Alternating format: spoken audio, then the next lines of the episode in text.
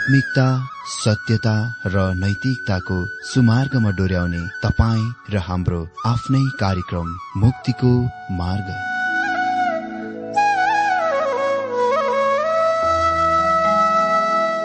आदरणीय श्रोता यस मुक्तिको मार्ग कार्यक्रममा हार्दिक स्वागत छ। आशा छ यस आत्मिक कार्यक्रमद्वारा जीवनमा आत्मिक आशिष अलौकिक शान्ति र आनन्द प्राप्त गर्नुहुनेछ। र जीवनमा धन्य अनुभव गर्नुहुनेछ। आउनुहोस् श्रोता। मन र आत्माको तयारीको लागि यो मिठो अनि मधुर भजन गीत सुनौ।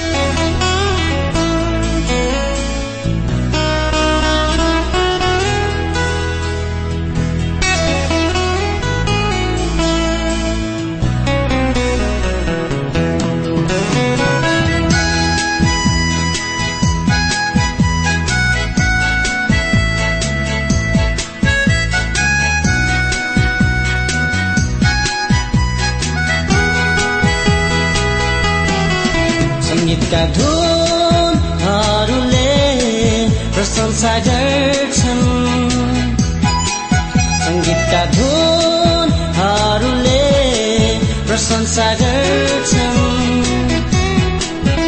यसुलाई उहाँको मैमितालाई यसुलाई उहाँको मैमितालाई हामी झन् परमेश्वरका सन्तान स्तुति गरौँ ख्रिस्ट यसुलाई। हामी झन् परमेश्वरका सन्तान स्तुति गरौँ हृदयदेखि चढाऊ धन्यवाद।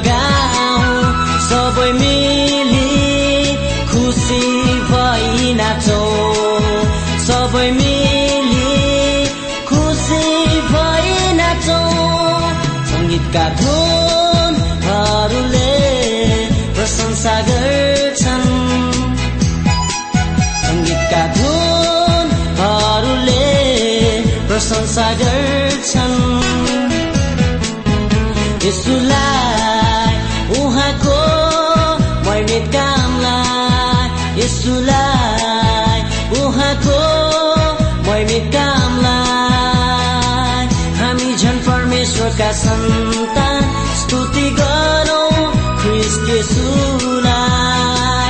हामी झन् परमेश्वरका सन्तान स्तुति गरौँ यसुलाई।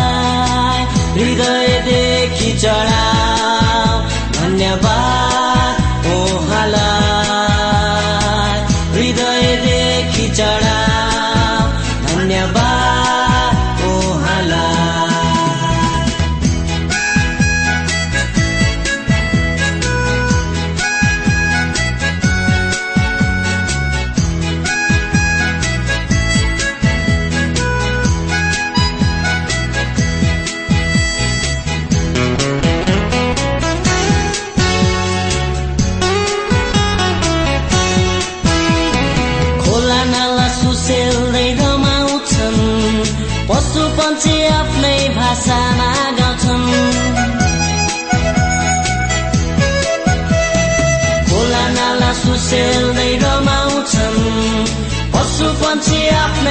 आफ्नै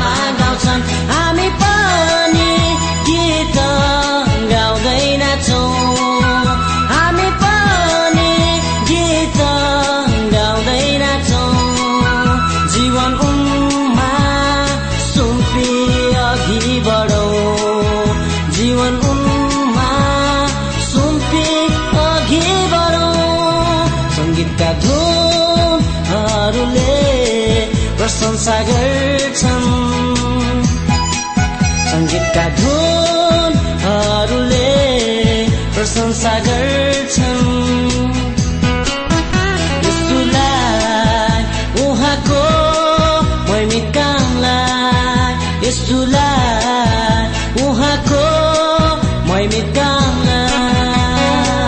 हामी झन् परमेश्वरका सन्तान स्तुति गरौँ ख्रिस्ट यसुलाई हामी झन् परमेश्वरका सन्तान। ख्रिस्ट यसुलाई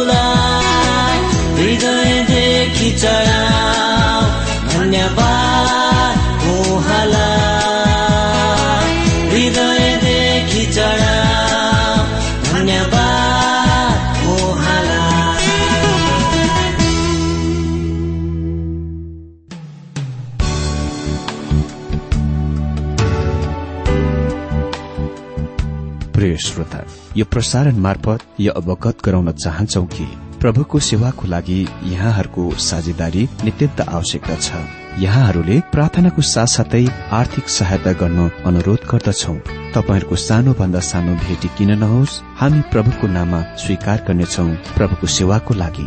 तपाईँहरूको यो सानो लगानीले कसैको जीवनमा भिन्नता ल्याउँछ अनि प्रभुको महिमा हुन्छ। प्रभु तपाईँहरूलाई महान गरी आशिष दिनुहुनेछ। इच्छुक श्रोताहरूले तपाईँको इच्छा भेटी हाम्रो ठेगानामा पठाउन सक्नुहुन्छ जुन ठेगाना हामी कार्यक्रमको अन्तमा दिनेछौं। प्रिय श्रोता मित्र प्रभु येशु ख्रिष्टको मधुर अनि सामर्थ्य नाममा मेरो जयमसी। साथै हार्दिक स्वागत छ आजको यो बाइबल अध्ययन कार्यक्रममा। श्रोता आज हामी बाइबल अध्ययन आमोस तीन अध्यायबाट देख्न गइरहेका छौं।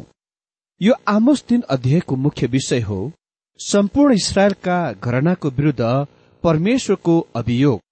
अनि हामी यस तीन अध्यायबाट दुई दिनसम्म अध्ययन गर्नेछौ। आज हामी खाली आमोस तीन अध्याय एकदेखि छ पदबाट बाइबल अध्ययन गर्न गइरहेका छौं। आमोस तीन अध्यायको एक पदमा यस प्रकार लेखिएको छ हे इसरायलका मानिस हो परमप्रभुले तिमीहरूका विरूद्धमा भन्नुभएको यो वचन सुन। अर्थात मिश्र देशबाट मैले ल्याएका सारा परिवारको विरूद्धमा। अहिले परमेश्वर यस तथ्यको व्यवस्था वा उपेक्षा गरिरहनु भएको छ। राष्ट्र दुई भागमा विभक्त छ। उहाँ भन्नुहुन्छ कि उहाँ इसरायलका सम्पूर्ण घरानासँग बोलिरहनु भएको छ जसलाई उहाँले मिश्रबाट निकाली ल्याउनु भयो उहाँका आँखाहरूमा उहाँका नजरहरूमा त्यहाँ दुई राष्ट्र उत्तरी र दक्षिणी राष्ट्र थिएन तर एउटा राष्ट्र मात्र। उहाँको सामुने बाह्र कुलहरू एक परिवार हुन्। दुई पदमा लेखिएको छ पृथ्वीका सबै परिवारहरूमध्ये मैले केवल तिमीहरूलाई मात्र चुनेको छु। यसै कारण तिमीहरूका सबै अधर्मका लागि म तिमीहरूलाई दण्ड दिनेछु। मित्र आमोस भविष्य वक्ता सिधै कुरा गर्ने। भविष्य वक्ता थिए। उनी मानिसहरूलाई मखन दल्ने मानिसहरूलाई खुसी पार्ने भविष्य वक्ता थिएनन्। खालि मिठो मिठो कुराहरूको प्रचार गर्ने। अह उनी त्यस्ता भविष्य वक्ता थिए जसले परमेश्वरको वचनको सिधै नभङ्गाइकन बढाइ चढाइ नगरिकन प्रस्तुत गर्थे। उनी भन्छन् इसरायलका अधर्महरूको लागि परमेश्वर त्यसलाई दण्ड दिनुहुनेछ। यो अति नै निराशजनक कुरा हो कि राजनीतिज्ञ र पुजारीहरूले उसका कुरा सुनेनन् त्यस बेला। यदि तिनीहरूले सुनेका भए इसरायलको लागि त्यो बिल्कुल अलगै कथा हुने थियो। पृथ्वीका सबै कुलहरूमा मैले केवल तिमीहरूमाथि मन लगाए। अर्को शब्दमा पृथ्वीका सबै परिवारहरूमध्ये मैले केवल तिमीहरूलाई मात्र चुनेको छु। जल प्रलयको विपदपछि मानिस अझै त्यस्तो पापमा थिए कि बाबेलको धरारामा सम्पूर्ण मानव जाति परमेश्वरबाट भौतारी गए। त्यो सम्पूर्ण सत्य विश्वास त्याग वा सत्य विश्वासबाट पछि हटेर तर्की जाने कुरा थियो। त्यसपछि परमेश्वर कल्दीको उरबाट एक मानिसलाई बोलाउनु भयो र उहाँले उसलाई प्रतिमा पूजाको आफ्नो घरबाट परिवारबाट बाहिर निस्कि आउन भन्नुभयो। र त्यस्तो स्थानमा जानलाई भन्नुभयो जुन उहाँले उसलाई देखाउनु हुने थियो। परमेश्वरले भन्नुभयो यस एक मानिस अब्राहमबाट उहाँले एउटा राष्ट्र बनाउनु हुनेछ। र तिनीहरूलाई मुलुक दिनुहुनेछ। यही नै परमेश्वरको तात्पर्य हो। जब उसले भन्छन् पृथ्वीका सबै कुलहरूमा मैले केवल तिमीहरूमाथि मन लगाए या पृथ्वीका सबै परिवारहरूमध्ये मैले केवल तिमीहरूलाई मात्र चुनेको छु। यो संसारभरि सन्देश दिनलाई परमेश्वरले यो विधि प्रयोग गर्नुभएको थियो। बाबेलको धरहरामा मानिसले यदि फेरि कतै जलप्रलय भए उम्कनलाई बस्नको निम्ति त्यो अग्लो धरहरा बनाएका थिएनन्। त्यो धरहरा बनाउनको खास उद्देश्य त्यो थिएन। त्यो एक वेदी थियो जुन निश्चय नै सूर्यदेवको लागि बनाएको थियो। त्यो पूजा आराधनाको स्थान थियो।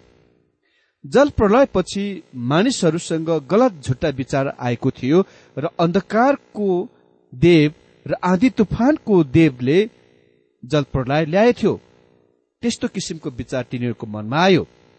त्यसकारण अब अहिले तिनीहरू सूर्यलाई पूजा गर्न गइरहेका छन्। सूर्यको पूजा नै टाइग्रिस इफ्राटस बेसीमा अभ्यास गरिन्थ्यो र आजको यो वर्तमान दिनसम्म यसको अभ्यास निरन्तर जारी रहेको छ। अनि यो प्रथा हाम्रो मुलुकमा पनि प्रचलित छ।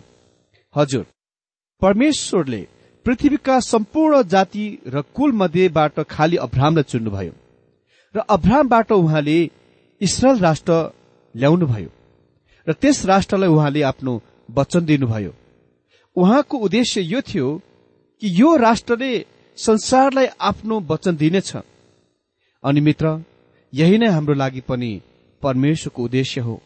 यही नै कारणको लागि हामी उहाँको वचनलाई पूरा संसारभरि दिन प्रयत्न गरिरहेका छौं। यसै कारण म तिमीहरूका सबै अधर्महरूको दण्ड तिमीहरूलाई नै दिनेछु। परमेश्वर भन्नुहुन्छ म तिमीहरूलाई दण्ड दिन इरादा गर्दछु। इसरायल राष्ट्रले परमेश्वरसँग अद्वितीय सम्बन्धको ओगटेका थिए। परमेश्वरले तिनीहरूलाई आफ्ना आज्ञाहरू दिनुभएको थियो र उहाँले इसरायललाई त्यति धेरै कठोर रूपमा दण्ड दिने उहाँको कारण यस कारणले हो कि तिनीहरूले उहाँका धेरै आज्ञाहरूको उल्लङ्घन गरे तोडे। हेर्नुहोस् त सत्यको ज्योतिले उत्तरदायित्वको सिर्जना गर्दछ। सत्यको ज्योति प्राप्त राष्ट्र वा व्यक्तिसँग ती अन्धकारमा हुने राष्ट्र वा व्यक्ति विशेषको भन्दा अझ ठूलो उत्तरदायित्व हुन्छ। यो नै महान सिद्धान्तको परमेश्वर यहाँ दिइरहनु भएको छ।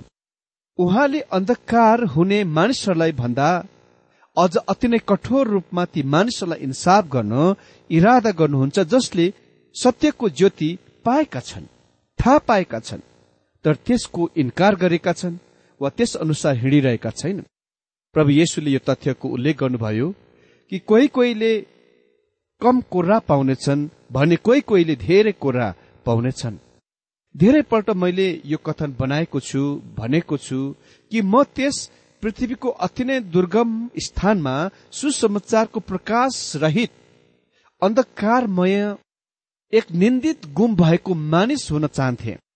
त्यो मानिस हुनुभन्दा जो मण्डलीको सदस्यता हो विश्वासी त भन्छ तर प्रचार गरेको सन्देश सुन्छ तर त्यसको बारेमा चाहिँ केही गर्दैन। मित्र परमेश्वरको वचन सुन्ने मानिससँग त्यो मानिसको भन्दा ठूलो उत्तरदायित्व छ जसले त्यसको सुन्ने मौकै पाएको छैन। त्यसकारण त्यहाँ दण्डको विभिन्न श्रेणीहरू छन्।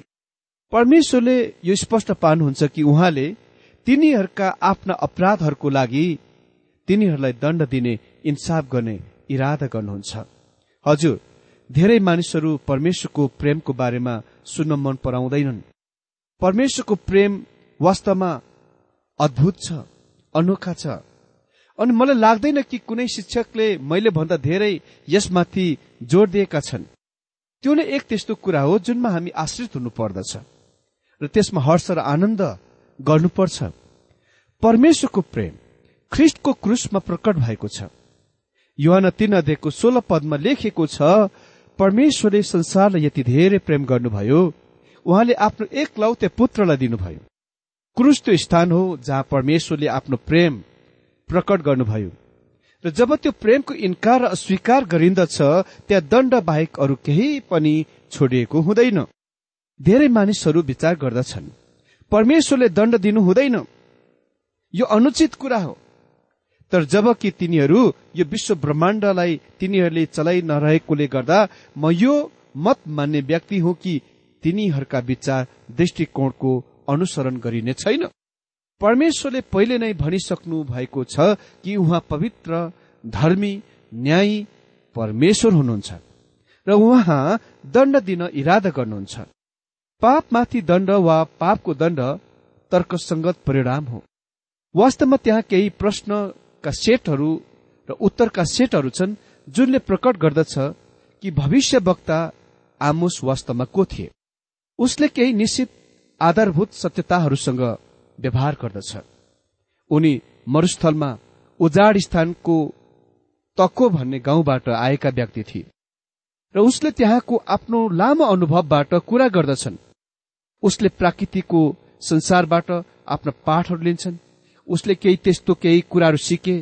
मानिसले अझै आज सिक्न आवश्यक छ। म कहिले पनि मेरो सानी छोरीको कुरालाई भुल्ने छैन। छुट्टीको समयमा मैले आफ्नो छोरीलाई गाउँको घरमा लिएर गएँ र त्यहाँ गाई भैँसीहरूबाट दुध दुइएको देखिन्। अ मेरो छोरी दिल्लीमै वा बाहिर देशमै जन्मी र त्यहाँ नै हुर्केकी थिइन्। उनी सहरीय केटी थिइन्।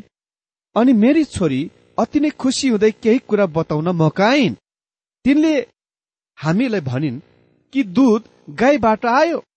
तिनले सोचे कि थिइन् दुध बजारबाट आउँथ्यो र त्यहाँ नै त्यसको सुरुवात भएथ्यो अमित्र यो मानिस आमोस गाउँले मानिस हुन् र उसले प्राकृतिमा धेरै अद्भुत कुराहरूका अवलोकन गरेका छन्। अहिले उसको पहिलो प्रश्नको ध्यान दिनुहोस्। तीन पदमा लेखेको छ के दुईजना आपसमा सहमत नभएसम्म सँगसँगै हिँड्छन् र के दुई सँगसँगै हिँड्न सक्छन्? हा निश्चय नै सक्छन्। तर तिनीहरू सँगसँगै जान सक्दैनन् जबसम्म तिनीहरू एक मत वा सहमतमा हुँदैनन्। हजुर पार्कमा म र मैले आफ्नो पत्नीले एक नव दम्पतिलाई हेरिरहेका थियौं। तिनीहरू त्यहाँ अंगालो मारेर हिँडिरहेका थिए। एकासी पत्नी चाहिँ अलग भइन्। र पछि हटिन् र आफ्नो घरतिर जान सुरु गरिन्। पत्नी अघि अघि अनि पति चाहिँ पछि पछि तिनीहरू कति पनि एकसाथमा सँगसँगै हिँडिरहेका थिएनन् किनभने तिनीहरू बीच केही असहमत केही वाद विवाद भएको थियो। भनेको छ के दुईजना आपसमा सहमत नभएसम्म सँगसँगै हिँड्छन् र यहाँ कारण र परिणाम छ। कारण हो त्यहाँ सहमत हुनै पर्छ। त्यहाँ सहमत हुनै पर्छ यदि तपाईँ परमेश्वरसँग एकसाथ सँगसँगै हिँड्नुहुन्छ भने। परिणाम हो तपाईँ उहाँसँग हिँड्नुहुनेछ जब तपाईँ सहमतमा हुनुहुन्छ। यसको मतलब यो होइन कि परमेश्वरले ढाक्नुहुनेछ छोपछाप गर्नुहुनेछ र तपाईँसँग सहमत हुनुहुनेछ। अह तपाईँ र म नै उहाँतिर वा उहाँतर्फ गएर उहाँसँग सहमत हुनुपर्नेछ। कसैले भनेथे परमेश्वर आफ्नो रथमा विजयको घोषणा सहित सवार गर्नुहुन्छ। अनि यदि तपाईँ त्यस रथको पाङ्राहरू मनि पढ्न चाहनुहुन्न भने उहाँसँग चढेर सवार गरेको त्यसो त। परमेश्वर यो संसारमा आफ्नो उद्देश्य पूरा गरिरहनु भएको छ। मेरो मित्र परमेश्वर विश्वलाई आफ्नै तरिकामा चलाइरहनु भएको छ। यसको चलाउन फुच्चे मानिसहरूबाट कुनै सल्लाह वा राय परामर्श मागिरहनु भएको छैन।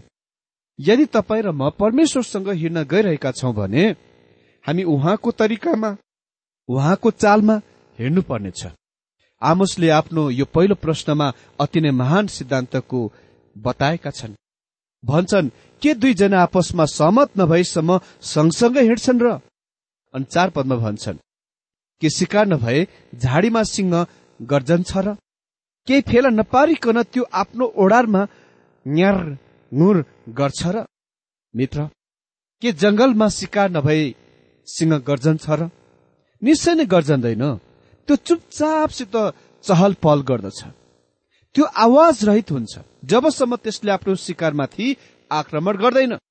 जब त्यसले आफ्नो शिकारलाई पकडदछ तब तपाईँ त्यो गर्जेको सुन्न सक्नुहुन्छ।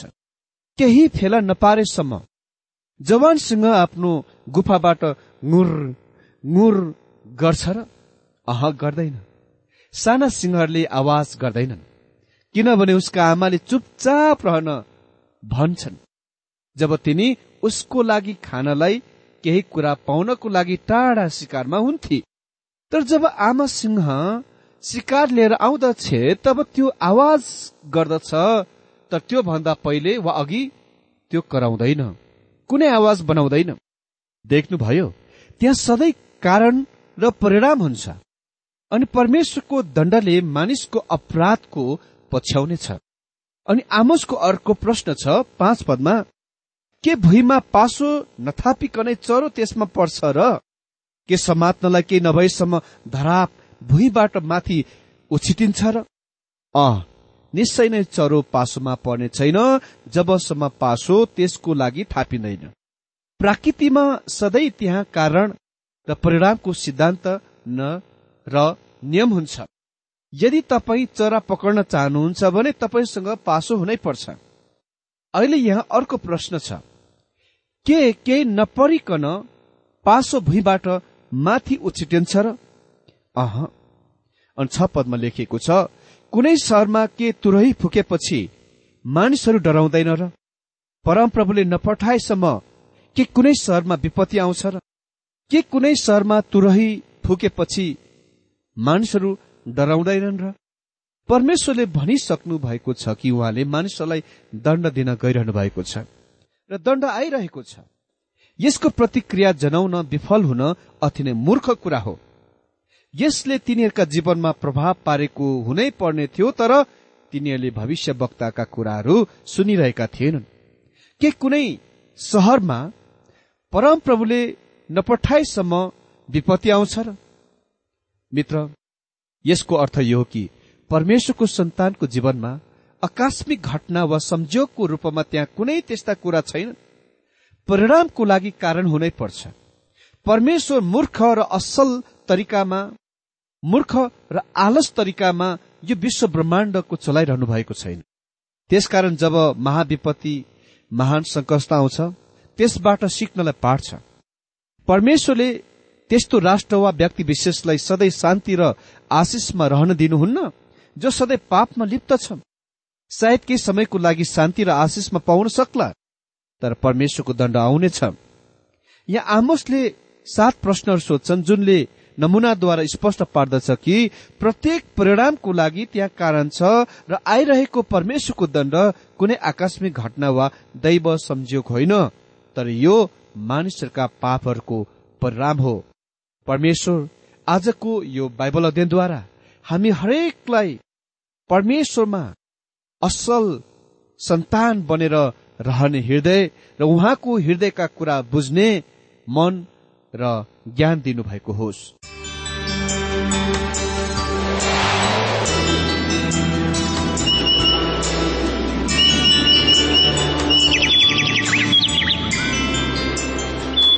प्रिय श्रोता अहिले भर्खरै तपाईँले टीडब्ल्यूआर नेपालद्वारा सञ्चालित आत्मिक कार्यक्रम मुक्तिको मार्ग सुनिरहनु भएको थियो। श्रोता आजको यो कार्यक्रम सुनेर तपाईँलाई कस्तो लाग्यो? यदि यो कार्यक्रम सुनेर मनमा कुनै खुल्दुली वा कुनै प्रतिक्रिया अर्थात सुझावहरू छन् भने हामीलाई पत्रद्वारा लेख्न सक्नुहुनेछ।